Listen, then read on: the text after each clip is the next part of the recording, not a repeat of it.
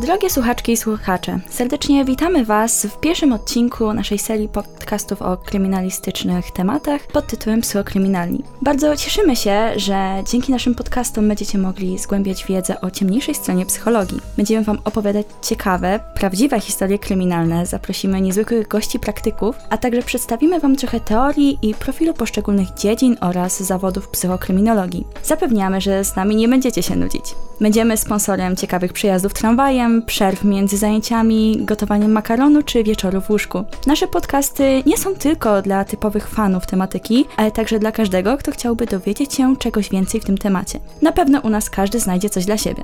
Na początku pozwolimy sobie opowiedzieć troszkę o nas. Jesteśmy studentami Akademii Ignatianum w Krakowie i oczywiście studiujemy psychologię. Każdy z nas jest na innym etapie w tej edukacji, ale dzięki kołu naukowemu psychokryminologii udało nam się połączyć siły i zacząć przekazywać Wam wiedzę z tematu, który jest naszą wielką zajawką. Dzisiejszy odcinek tworzą Weronika Winnicka, studentka pierwszego roku.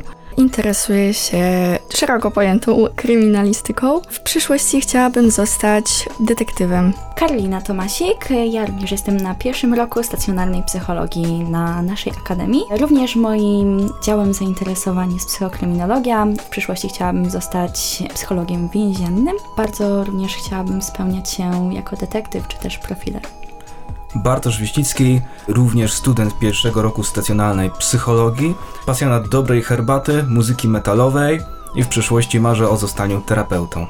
Niezmiernie cieszymy się, że możemy być w studiu nagraniowym i tworzyć e, dla Was niezwykłe treści.